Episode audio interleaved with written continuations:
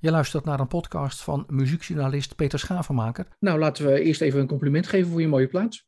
Ja, ja dankjewel. Ja, ik ben ook een folk-liefhebber, dus ja, wat dat betreft. En Americana-liefhebber, dus ik eh, kwam aan allebei, uh, kom ik goed uh, toe, zeg maar. Ja, ja, ja, ja. Ja, ja het is, mijn vorige was nog iets meer echt die stijl, denk ik. Ja. Dus ik heb het iets meer losgelaten, maar het, het zit wel heel veel elementen nog. ja. Nou, zullen we daarmee beginnen? Met het, het, het loslaten van, van folk en van een, een beetje Americana. Terwijl het Mhm. toch een idioom is eh, waar je eh, je graag in uitdrukt. Waarom Ja. heb je beide nou, niet meer zo vastgegrepen als, als voorheen, laat ik het zo zeggen? Ja, ik, ik ben wel een persoon die, eh, die eigenlijk steeds weer mezelf moet blijven verrassen. Heb ik gemerkt. Dus elke plaats zie ik als echt een nieuwe kans ook om nieuwe dingen te ontdekken. En ik was heel erg toe weer aan, eh, aan iets nieuws. Mijn eerste plaat, die is eigenlijk nooit fysiek uitgekomen, dat is Time. Die staat Mhm. wel op Spotify. En dat is echt bijna alleen maar akoestisch. eh, een heel minimaal begeleiding van, van gitaar of drum. Maar dat is, dat is echt, er staat de gitaar echt centraal, akoestische gitaar. Dat is echt, echt heel Dylan-esque bijna. Mhm. En met Space heb ik het al iets meer eh, in een bandvorm gegoten, mijn tweede plaat. Ja, uit 2010, hè, Time. Eh, En? Space, eh, uit 2010 was dat Time. Ja, ja, ja, klopt. Ja. En, eh, En zeven jaar later kwam Space. Ja, klopt. Ja, ja. En wat is het grote Dus- verschil daardoor? Waar, waar zocht je toen die uitdaging? Ik denk dat ik in, in, met Time heb ik alle liedjes om de teksten heen gebouwd. Dus heb ik eerst teksten geschreven en toen kwam de muziek letterlijk op de tweede plek. En met Space is het meer een soort hybride vorm geworden. Dat ik soms met muziek begon en dan met tekst eh, eroverheen legde. En, en soms andersom, of delen. Mhm. Eh, en nu ben ik echt veel meer ook in de muziek gedoken. Of eh, vanuit de lijnen gaan denken en, en muzikale mogelijkheden. Ja, dus de muziek staat op, op, op deze plaat veel en veel centraler dan ooit tevoren eigenlijk. Ja, en, en wat eigenlijk, ik heb ook dingen gedaan die eigenlijk niet echt bij eh Amerikanen voorpassen. Kun je nog even terug naar wat jij net probeerde uit te leggen over die akkoorden? Misschien is het wel goed om even in je achterhoofd te houden eh, eh, dat eh, de luisteraars, eh, net zoals ik, geen muzikanten kunnen zijn. Eh, die- Ja. Die dan misschien daar niet zo. Wat is zeg maar het, het grote verschil zeg maar, tussen, tussen time en tussen eh, eh, space en, en nu, eh, waarin de muziek eigenlijk eh, meer centraal staat dan ooit? Ja, ja dus eh, eigenlijk het hoort heel erg bij het idioom van, eh, van folk. Eh, het is eigenlijk letterlijk dat wat Dylan en zo en, en Woody Guthrie van oudsher eh, in gang hebben gezet. Is dat het echt puur zang om de tekst gaat. Dus de boodschap is enorm belangrijk. Mhm. Dat heb ik dus ook overgenomen. Eh, dat, dat doe ik nog steeds. tekst blijft belangrijk bij mij. Alleen ik ben, eh, wat, wat de Beatles daarna bijvoorbeeld hebben gedaan, is dat ze hebben geëxperimenteerd met ja, toonladder eigen akkoorden, noem ik dat dan. Hmm. Dus dat, eigenlijk is het heel meest simpel uit te leggen. Ik weet niet of als pianisten zijn die luisteren. als je, een toonladder is dus bijvoorbeeld alle witte toetsen beginnen van C naar de hoge C. Dus heb je gewoon, eh, weet je wel. En dat zijn dan, dat, daaruit, dat is eigenlijk je bouwstenen voor alle akkoorden die je gebruikt in een liedje. Dus die gebruik je alleen maar witte toetsen, bij wijze van spreken. Ja. Snap je? Ja, ja snap ik. Ja. Ja, dus en als je, eh, als je op een gegeven moment zwarte toetsen gaat gebruiken, dan noem je dat niet, niet toonladder eigen akko- akkoorden. Dus die vallen buiten de toonladder. En dat kan, dat, als je daar niet getraind bent, dan kan dat heel erg fout gaan, want dat klinkt dan heel snel vals of lelijk. Maar als je dat, als je dat fraai aanpakt, dan kan, het, dan kan de luisteraar dat dus niet eens in de gaten hebben. Terwijl het best wel een risicovol eh, ding is om te doen. Ja. En dat is eigenlijk wat ik bedoel met wat meer experimenteren. Eh, ja, met muziek. Dat je andere bouwstenen erbij betrekt en weer terugkomt waar je begon. Eh, en ik ben ook meer in lijnen gaan denken. Dus het is veel meer, minder akkoorden spelen en, eh, en een liedje afmaken. Maar, dat is eigenlijk vanuit de klassiek, hè, bijvoorbeeld met Bach. Die werkt ook veel met lijnen. Dus ik heb het eigenlijk wel op bepaalde punten wat, eh, wat anders aangepakt. Is dat iets wat Ja. jij op de, op de Rock Academie hebt geleerd om zo zeg maar, het in, in structuren helemaal uit te pluizen en, en het zo zeg maar, als een huis te bouwen? Ja, deels denk ik wel, ja. ja. En, en natuurlijk hè, jouw, jouw inspiratiebronnen van verschillende uh, uh, soorten. Je noemt Bach, maar dat is natuurlijk ook de popmuziek. Uh, zitten ja. daar ook nog andere stromingen tussen? Ja, ik ben best wel. nou ja, kijk, ik, ik ben met Simon Kies ben ik altijd wel enorm geïnteresseerd geweest in tekst, vooral ook. Ik heb, hm. ik heb echt een, een grote liefde voor Engelse teksten schrijven. Natuurlijk, ja, weet je wel, daar ben ik eigenlijk al heel lang mee bezig. Dat is, dat is voor mij één ding. en daarnaast heb ik uh, van allerlei stromingen wel omarmd. En daar vind je continu andere ingrediënten in die je eventueel kunt gebruiken. Dus die, op een gegeven moment ben je ja, zo ver in je uh, ontwikkeling of zo, dat je die elementen ook gaat proberen toe te passen. Dat is natuurlijk wel heel spannend ook. Ja, ik las over de, dat je altijd graag je eigen context wil kiezen, je eigen verhaal. Waar, waar komt dat vandaan? Ehm, dan zou je iets, ik zou de vraag iets duidelijker vertellen. Nou ja, uh, Simon Keats creëert zijn eigen context, zijn eigen verhaal, las ik in een van de interviews, een van de vele stukken die ik over je heb gelezen. Oké. Okay. Uh, creëert zijn eigen verhaal. Ja. Uh, wil je een album? Of? Ja, het album. Ik, ik, las ook over dat je, dat je graag wil dat, dat, dat muziek, hè, dat dat ook als een soort spiegel dient. Ah, zo. Ja, ja, ja. Ja, nou ja, dat is het element wat ik, uh, waar het allemaal mee begonnen is natuurlijk. Dat je, weet je wel, Guthrie deed dat en Dylan en, uh, nou ja, en, Neil Young doet het volgens mij. En zo heb je, dat, is ook, dat hoort ook echt bij die folk natuurlijk.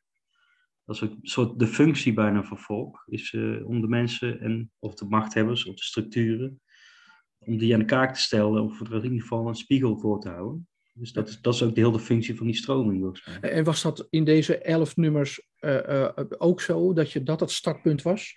Die spiegel, of dat, die context waar ik het net over had? Ja, en, en ik heb het eigenlijk wat meer in een soort verhalend ding gegooid. Hè? Dus vroeger had je dus, uh, even, omdat heel duidelijke voorbeelden zijn die iedereen kent waarschijnlijk. Maar Dylan die zong dus echt letterlijk van, weet je wel, van ja, na, na de kwade uh, de kwaaddoeners toe. Hè, van uh, ja, ik zie jullie zitten en uh, I, can, I, can, look through you. En, weet je wel. maar ik heb het eigenlijk wat meer in een soort verhaal gegoten. Dus dat is eigenlijk gewoon meer. Er zitten ook elementen in die gewoon een, weet je wel, een verhaal vertellen. Maar er zitten ook elementen in die iets zeggen over onszelf. en dat gaat dan over de Falling Star. Uh, en dat, dat is de, de bekende persoon, de machtige persoon die van zijn voet, voetstuk valt. En dat is iets wat je wel nu veel ziet. En dat, ik vond dat ik daar iets over moest schrijven. Ja, het, het karakter James Darling, hè? is dat? Ja, ja. Ja, dat is eigenlijk een soort fictief personage wat je ja. hebt bedacht en genomen om daar rondomheen, zeg maar, dat nummer te schrijven. Ja, klopt. En, en dan ja. zeg maar verder te werken later, ook, ook, ook de speciale eh, een AI-clip, kunstmatige intelligentie-clip die je met uh, Ivo van Leeuwen en, en, en Sander Rijmakers hebt gemaakt. Waarom ja. wilde je zo specifiek uh, op, op die manier dat nummer schrijven? Nou, het leek me ten eerste ook weer een leuke uitdaging om hè, een, concept, een conceptalbum te doen. Dus dat, je, dat je vanuit een verhaal denkt een keer. dus dat, dat was één ding. En toen heb ik ook, ik heb ook letterlijk een verhaal geschreven. Hè? Dus het is, het is niet dat ik hem uitgegeven nu, maar het is, het is wel een soort roman bijna. dus ik heb eigenlijk alles in mijn hoofd, heb ik al heel, het zijn tien hoofdstukken en volgens mij drie, 300 pagina's of zo. En vanuit daar ben ik verder die nummers gaan ontwikkelen, zeg maar. Dus het was heel interessant. Ik heb eigenlijk uh, weer een andere vorm gevonden dan normaal. Ja. het was eigenlijk meer een kapstok en daar ging ik dan liedjes aan hangen. Ja, ik sprak Paul Bond recent, die is nu met zijn volgende plaat bezig, waarbij hij werk van Ernest Hemingway gebruikt. Ah ja, ja, daar, ja. daar is hij een plaat van maken met twaalf verschillende liedjes. Jij, jij doet het andersom, jij schrijft je eigen verhaal en maakt dan ook je eigen liedjes. Maar het is wel een mooie manier om, om liedjes te schrijven. Ja, toch? Ja, leek me wel. Want ja, weet je, ik, ik heb natuurlijk op heel veel verschillende manieren, zoals elke songwriter, liedjes geschreven. en, en soms gaat dat gewoon vanuit een gevoel dat je uit het raam kijkt en, uh, en weet je, het miezigt en ineens komt er een soort melancholie, bij wijze van spreken. Hè? Of, of het is uit met, met iemand, of je hebt een heel goede dag. Het kan van alles zijn, dus dan schrijf je echt vanuit jezelf. Eh, maar ik ben ook altijd wel gecharmeerd van, eh, van songwriters zoals uh, Randy Newman of zo. Die, die kan echt een fictief karakter pakken. En dan gaat hij dan zich helemaal inleven.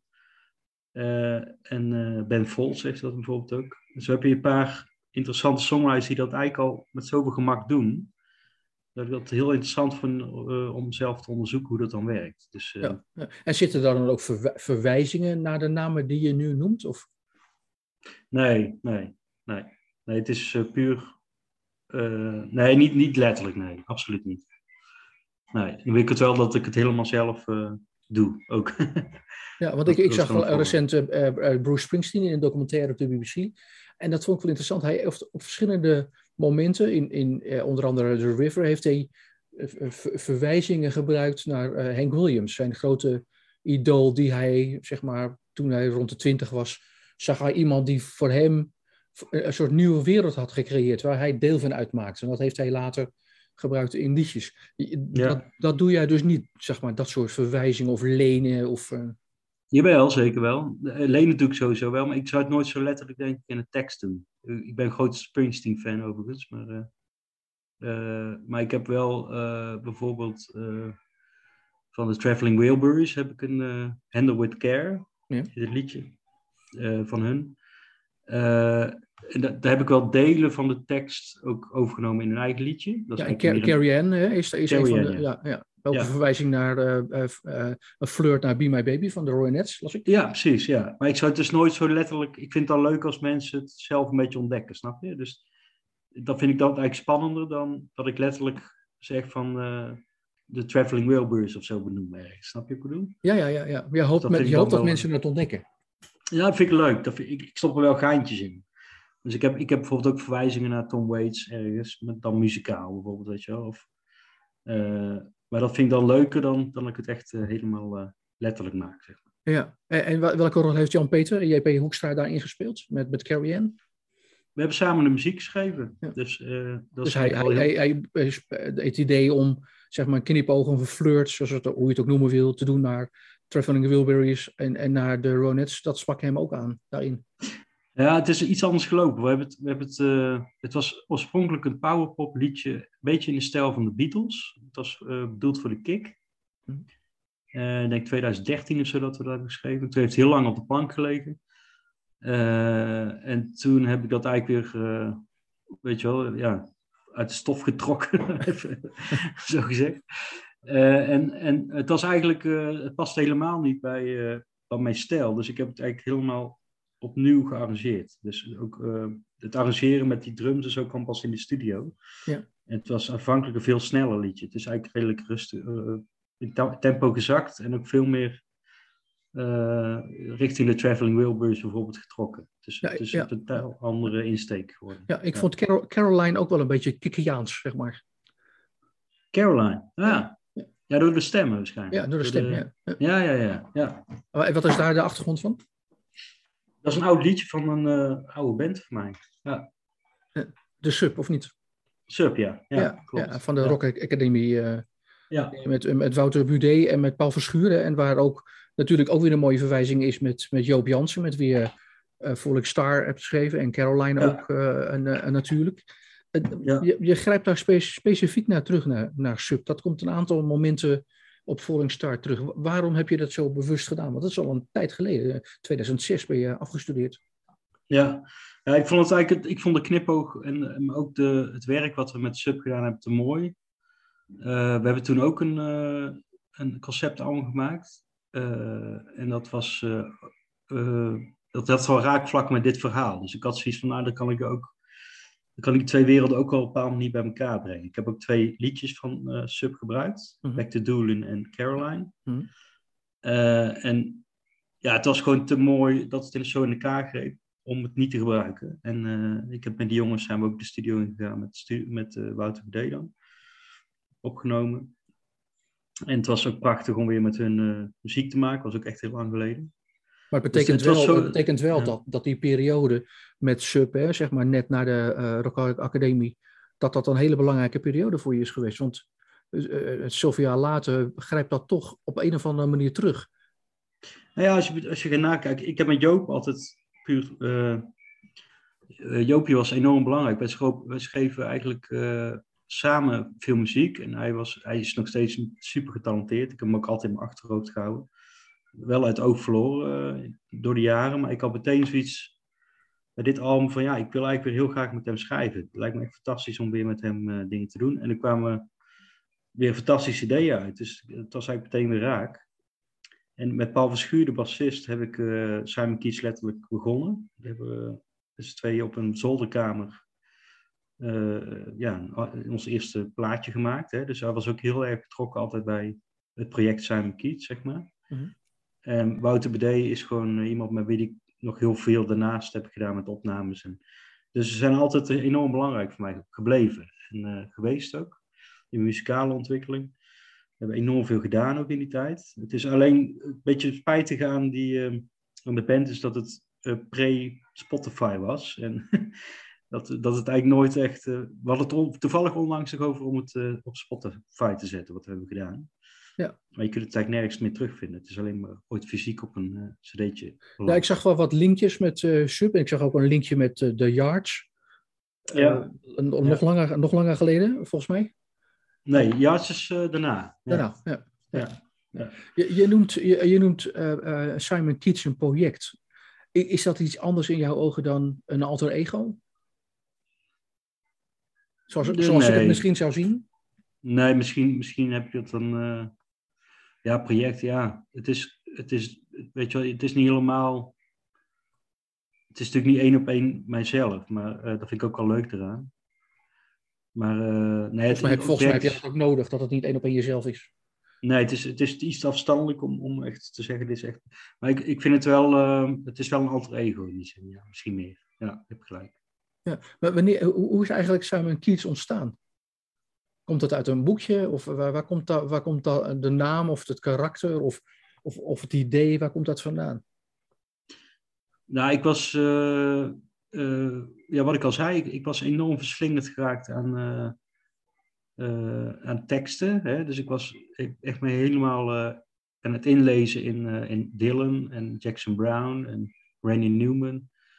en eigenlijk alles wat ik goed vond. Ik heb er gewoon een enorme database verzameld van alle teksten die ik geweldig vond. En allemaal Engels, vond ik ook fantastisch. En ik werkte toen met uh, Buffy Duberman veel samen. Mhm. En toen, dat waren echt mega mooie colleges en uh, ja, gewoon uh, goede lessen, zeg maar. En daarna ben ik veel gereizen ook om te gaan spelen.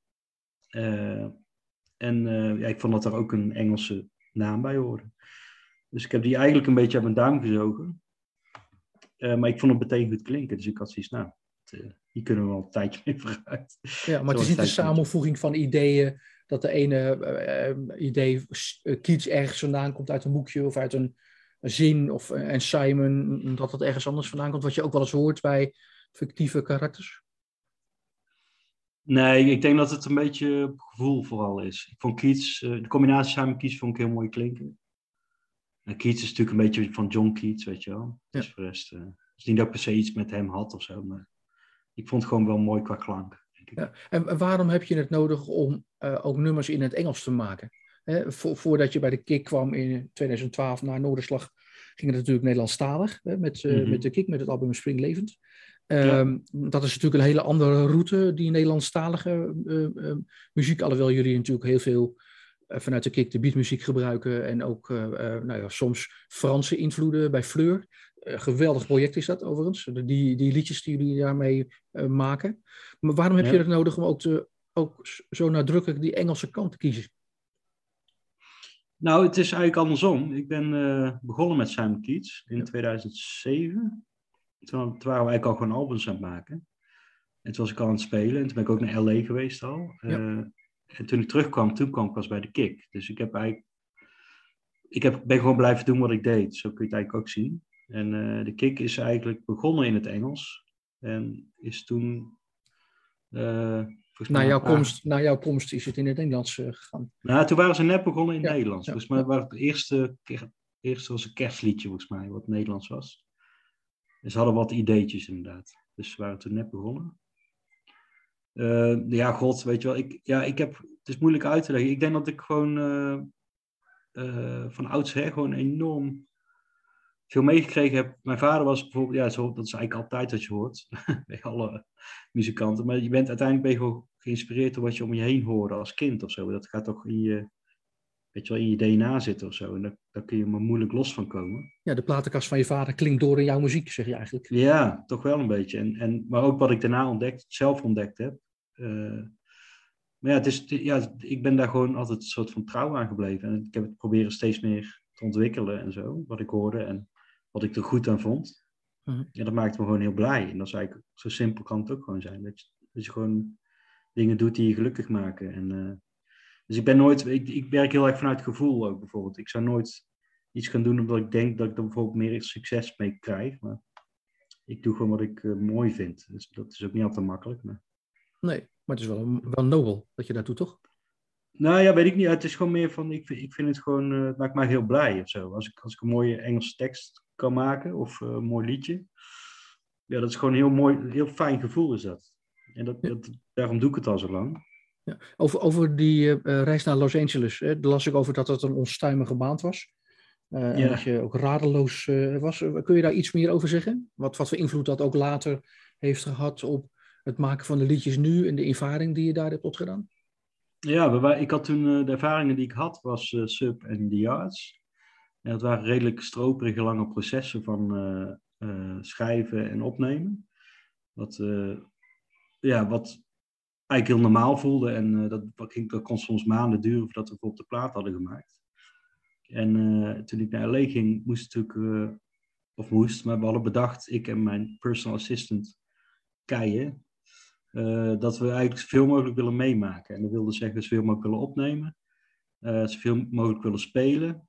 En, zoveel, ja, en schrijven dus ook, weet je wel. Dus ja, en, en, omdat je zo in een snelheid komt, die, uh, dat er zo snel dingen moeten ook, word je eigenlijk gedwongen om bijvoorbeeld in één dag een liedje schrijven en dan in een paar uren het op te nemen. En dat is eigenlijk iets wat ik nooit gewend was, omdat ik, uh, eigenlijk, wat ik eigenlijk niet voor mogelijk hield daarvoor, maar het kon gewoon wel. En het werd, was eigenlijk gewoon heel erg goed ook. Dus dat heeft me doen denken daarna van, nou, als je misschien als je te lang met iets bezig bent, dat het niet per se beter wordt. Weet je wel? Het is meer dat je gewoon de keuzes uitstelt. Uh, als je gewoon moet, weet dat je moet kiezen, dan ga je gewoon uh, heel anders te werk. Ja, en hoe is Falling Star uh, tot stand gekomen? Is daar, zat daar veel druk achter? Of? Met het, van de plaat bedoel je? Ja, van de plaats, ja. Ehm, nou, eigenlijk niet, want ik heb het gewoon in fases opgenomen. Wat heel prettig werkte. Wel echt korte periodes. Ik ging bijvoorbeeld twee dagen naar Frans Hagenaars. En dan had ik een bootje gehuurd. En dan uh, zorgden we gewoon dat we in die paar dagen zoveel mogelijk nummers uh, hadden. En zo hebben we een paar weekendjes gedaan. In die zin ging het wel snel, moet ik zeggen. Maar het is, omdat er zo, zoveel tijd tussen zat, kon je nog wel nadenken over wat je dan wilde opnemen en zo. Dus heel prettig was het wel.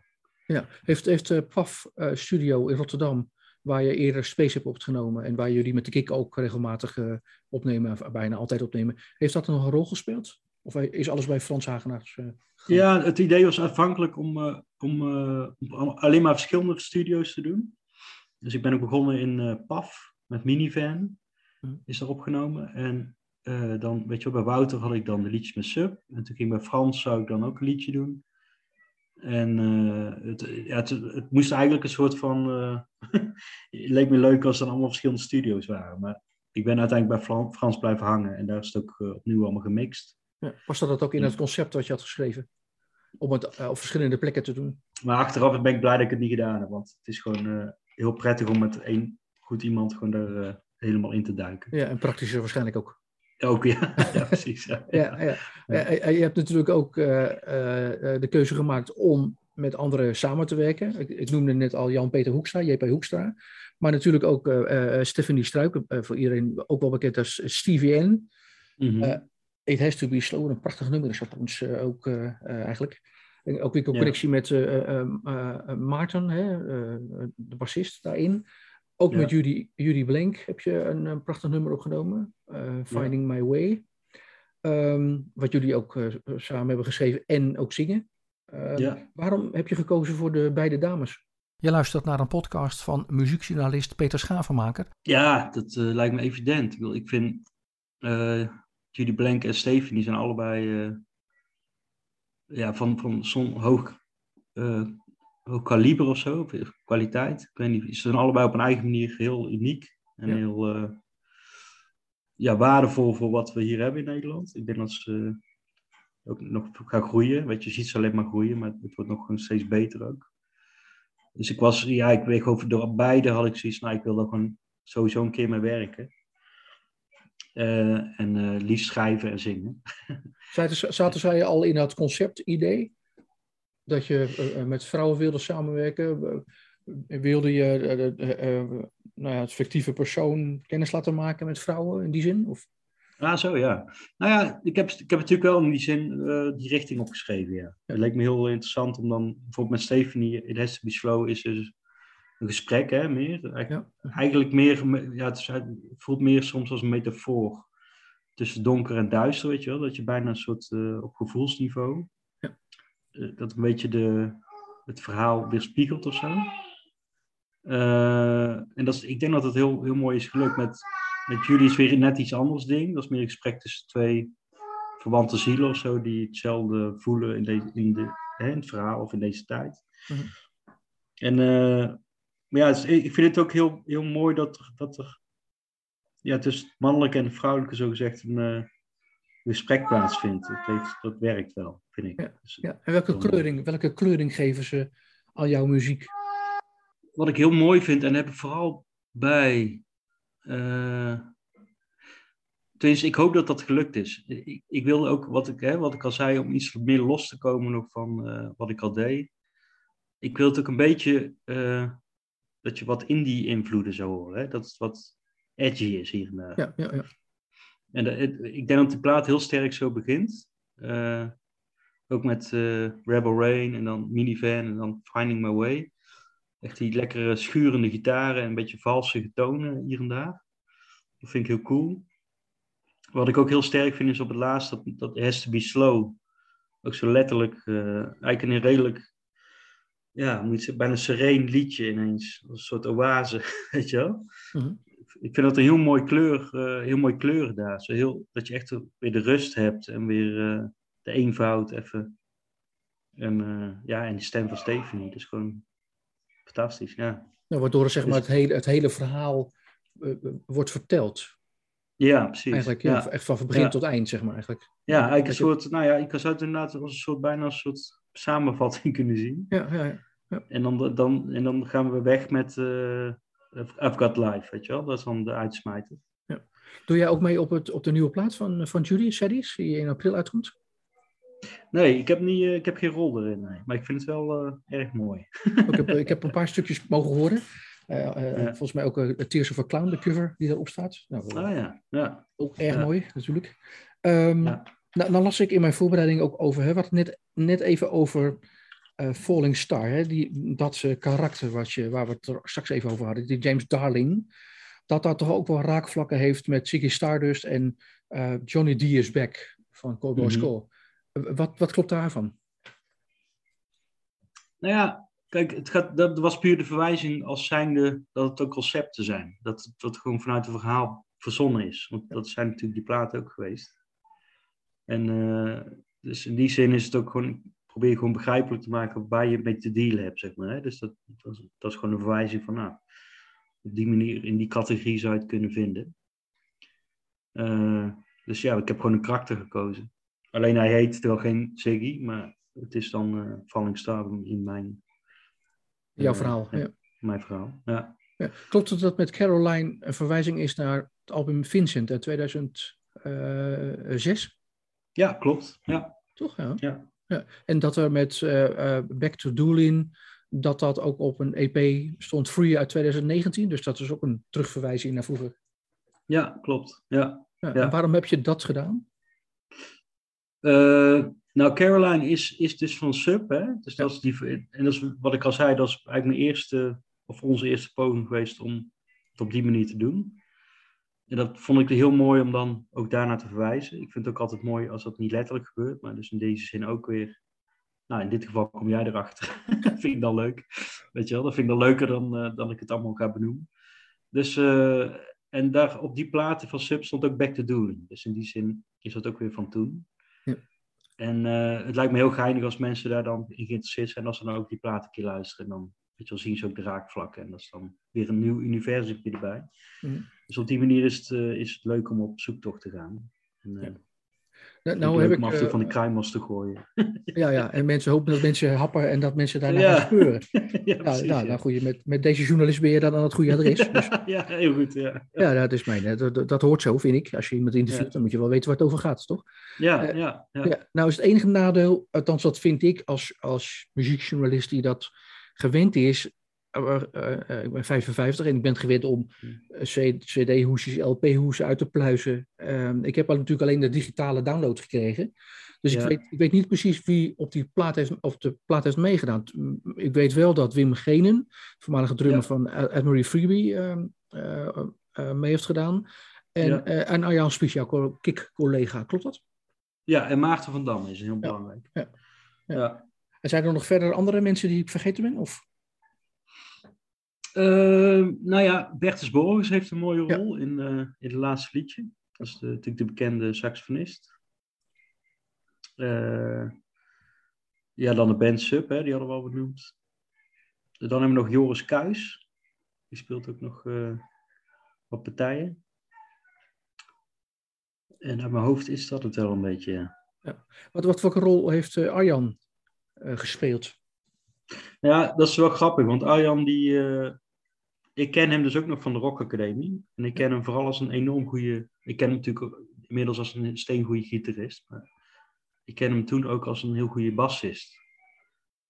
Uh, en ik, ik, Arjan en ik doen nu dus inderdaad het Fleur-project. De nieuwe plaat hebben wij gearrangeerd en opgenomen. Echt, uh, echt nogmaals, een, een fantastisch project. Uh, hoe, ja. dat, hoe, dat, gaat. Ik heb een paar keer geluisterd. Ik oh, zo ongelooflijk knap hoe dat bedacht is. Ja, nou, dat gaat wel dat enorm leuk. Hij heeft mij gevraagd.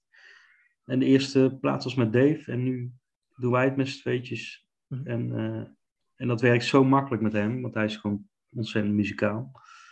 En, maar dus vooral ook een enorm goede bassist. En, dus ik heb hem gevra- specifiek gevraagd als bassist voor dit project. Ja. En Maarten die nou bast in Raccoon, die heb ik gevraagd als gitarist. Ja, ja, om de rol even om te draaien, omdat die kwaliteiten van, van beide heren ook erg groot zijn. Ja, precies. Ja. Ja, ja. ja um, we hebben Dylan natuurlijk al een paar keer besproken. Dat, daar kunnen we eigenlijk niet omheen als we met jou praten. Uh, mm-hmm. Maar Lou Reed is ook iemand die ik las. Is dat iemand die een belangrijke rol speelt op, op uh, Falling Star? Of in het concept? Ja, dat zit wel een beetje in mijn. Nou, het concept niet per se, maar dat zit wel een beetje altijd als. Weet je wel, iemand die. Uh, ik vond het wel mooi, Meinig Talman noemde hem volgens mij de beste van de slechtste zangers. Die zijn. Ja, ja, ja. En, en, dat. ja, het is natuurlijk enorm mooi hoe hij. Uh, hoe hij een soort van zijn stem inzet en, uh, en, en, dingen arrangeert en dingen naar zijn hand zet. Met, met de kleine middelen die hij dan tot zijn beschikking heeft, tussen aanhalingstekens. Ja, en hij is natuurlijk, hij denkt, hij schrijft sowieso te gek, heel direct en uh, heel beeldend ook. Dus ja, het is wel iemand die uh, meer als een inspiratiebron of zo uh, dient. Maar niet per se voor deze plaat, maar überhaupt, denk ik. Ja. Ja, en hoe, hoe geldt dat voor jou met jouw stem en het schrijven? En ben je zelfverzekerd uit Simon Keats? Of? Nou, ik weet wel dat ik niet ik ben bijvoorbeeld, ja, ik weet inmiddels wel dat ik niet de beste zanger ben, heb ik nooit gedacht. Maar ik vind, uh, ik denk dat ik wel uh, uit de voeten kan of zo. Uh, maar weet je wel, ik moet gewoon, ik heb wel daar geleerd een soort van keuzes in te maken. Ik ben geen Roy Orbison die, die van laag naar hoog kan en daar mee wegkomt, bij spreken. Dus dat, ik denk niet dat mijn kracht daar per se zit. Maar het zit wel misschien meer in ik ben wat, wat zekerder geworden over mijn songwriting. Uh, en de keuzes die ik maak. En uh, ja, ik ben, niet, ik ben wel eh, redelijk zeker daarvan. Ja. Heeft iemand je daarbij ge, geholpen of meegedacht over dat zelfverzekerder worden? Ja, nee, je wordt gewoon, ik denk dat het te maken heeft dat je wat bewuster wordt. Ik, toen ik de eerste plaat opnam, toen, toen, deed ik eigenlijk maar wat, terugkijkend. En dat was dan puur enthousiasme en gevoel en van nou gezellig, weet je wel. Mhm. En op een gegeven moment ga je ook leren wat werkt en niet werkt. Tenminste, om het over te brengen zoals je het in je hoofd hebt. En wat, je, wat daarvoor mogelijk is. En dat is met deze plaat is dat eigenlijk een soort tot, tot, ja, in tot nu toe best gelukt, denk ik. Ook met hulp van Frans Hagenaars vooral ook, die uh, daar heel goed in coacht. Dus dat is heel prettig, dat er mensen zijn die daar uh, ook een beetje ja, tegenaan bemoeien. ja, ja, ja. En elk project geldt voor jou als een eigen project? Of zitten er in dingen die je nu aan het doen bent, zitten er zo meteen weer raakvlak? Of, of zeg maar, is dit project wat je hebt afgeschreven echt een, nou ja, echt letterlijk en figuurlijk misschien wel een boek wat je in de kast zet en een nieuw boek pakt met lege blaadjes en dan weer verder schrijft. Of opnieuw schrijft misschien. Uh, bedoel je een nieuw album? Of ja, een nieuw album of, ja, of een nieuw idee. Of, uh... Ah, zo. Ja, zeker. Want ik, het is heel prettig als je, als je het zeg maar een soort van los kan laten. Want dat geeft ook wel ruimte voor nieuwe energie, weet je wel. -huh. Het is heel moeilijk als je ergens als je in een proces zit om daar te veel, laat ik zeggen. Of überhaupt dingen naast te doen dan. Want je, je verliest je focus of zo. En het is nu het is wel een heel prettige periode dat, er gewoon, dat het de wereld in is. Of straks echt letterlijk ook. Ja. Fysiek dan. En uh, ja, dat is heel fijn, want dan kun je daarna weer nadenken over... Ik merk dat ik nu alweer nieuwe ideeën heb voor eventueel volgende dingen. Maar, maar heeft, zit er dan nog een extra verhaal in die James Darling? En eh, eh, wat heeft Simon Keats dan nog meer te vertellen? Dat is natuurlijk dan ook een interessante vraag om te stellen. Ja, eh, ja dat zijn natuurlijk dingen die. Dat, dat vind ik ook wel leuk. Dat vind ik ook bijvoorbeeld heel leuk aan zo'n Quentin Tarantino. Meer op die manier, snap je? Dat je elementen, maar dat doe ik sowieso al wel. Dat je elementen terugpakt uit vorige projecten. Ja, wat je op deze plaat ook hebt gedaan. Dat je ja. toch laat samenkomen. Ja. Precies, ja. ja. En ik, uh, dat heb ik op Space ook een paar keer gedaan. Uh, ook, ook, dingen van vorige platen of ideeën. Uh, of ideeën waar ik mee bezig was of zo. Ja, dat, is, dat vind ik wel geinig om te doen. Dus, dat je, en dat vind ik vooral leuk inderdaad dat mensen dat op een gegeven moment ontdekken. En dat, dat, dat het een soort wereld wordt, weet je wel. Dat vind ik dan vooral geinig. Ja. Ik zag je bij Radio 1, uh, het ging over een heel ander onderwerp, maar het was wel interessant aan het begin over One Handshake Away van Lou Reed en voor Bob Dylan. Dat gaat natuurlijk via Eric Anderson, mm -hmm. de, de, man die, uh, nou, zeg maar, uh, debuteerde in 64 als folkzanger, Gerris ja. Folk City, en natuurlijk ja, aan de wieg heeft gestaan van, nou ja, we kunnen wel uren praten over zijn catalog, van ja. Johnny Cash tot Judy Collins en Ronstadt. Eh, eh, de Dylan cover Thirsty Boots, nou ja, noem het maar op. Eh, Black Diamond Baby, 1975. Ja. Um, en natuurlijk komt toe uh, My Bed Say My, My Darling, wat op, je, op uh, volgens mij Space staat. Waarom heb je dat zelf opgenomen? Dat is zijn compositie, hè? Ja. ja, ik heb het zeker in Nederland bekend van Egbert Douwe. Ja, ja klopt. De jaren 60. Ja. ja. Waar komt dat liedje vandaan? Wat, welke rol speelt dat in jouw carrière? Nou ja, je, we weten inmiddels dat ik, uh, dat ik die periode al redelijk lang in de gaten hou. Hè. Dus veel, veel Oaks hoort erbij. Je, hebt, je had een hele groep mensen die, uh, die bezig waren met tekst en de wereld zo zegt mooi proberen te maken. Uh, Eric hoorde er ook bij. En die kenden elkaar in die tijd ook allemaal. Waren allemaal gewoon jonge gasten die een gitaar hadden en een verhaal. En die deden maar wat, weet je wel. en ja, die, daar werd ook ruimte aangeboden. Dat was eigenlijk een heel mooie bloeiperiode, ook voor de popmuziek. Uh, en ja, ik heb dat altijd in de gaten gehouden. En ik, ik, ik ben bevriend met hem inmiddels, met Eric. Hij woont in Nederland. En het was heel grappig dat ik ben mijn vriendin naar New York gegaan. En toen heb ik via Eric kunnen regelen om in een nogal prestigieuze studio wat liedjes op te nemen. Dat was een goede vriend Steve en Debo. En die Steve heeft dus gewerkt met onder andere Louis en Bob Dylan ook. Ja, en hij stond aan de wieg van uh, Luca, hè, van ja. Suzanne Vega. Hij heeft een, een, ja. Grammy voor gekregen. zelfs een Grammy gekregen, moet ik zeggen, voor de bootleg-series van Dylan Book, Bootleg ja. 12. Klopt, in, in 2015. En hij heeft Left Center gedaan en Solitude Standing van Suzanne Vega. Dus Ja, is ook Ja. geen kleine jongen, laat ik het maar zo zeggen. Nee, het is een heel eh, interessante gast. Een mooie gast ook. Ja.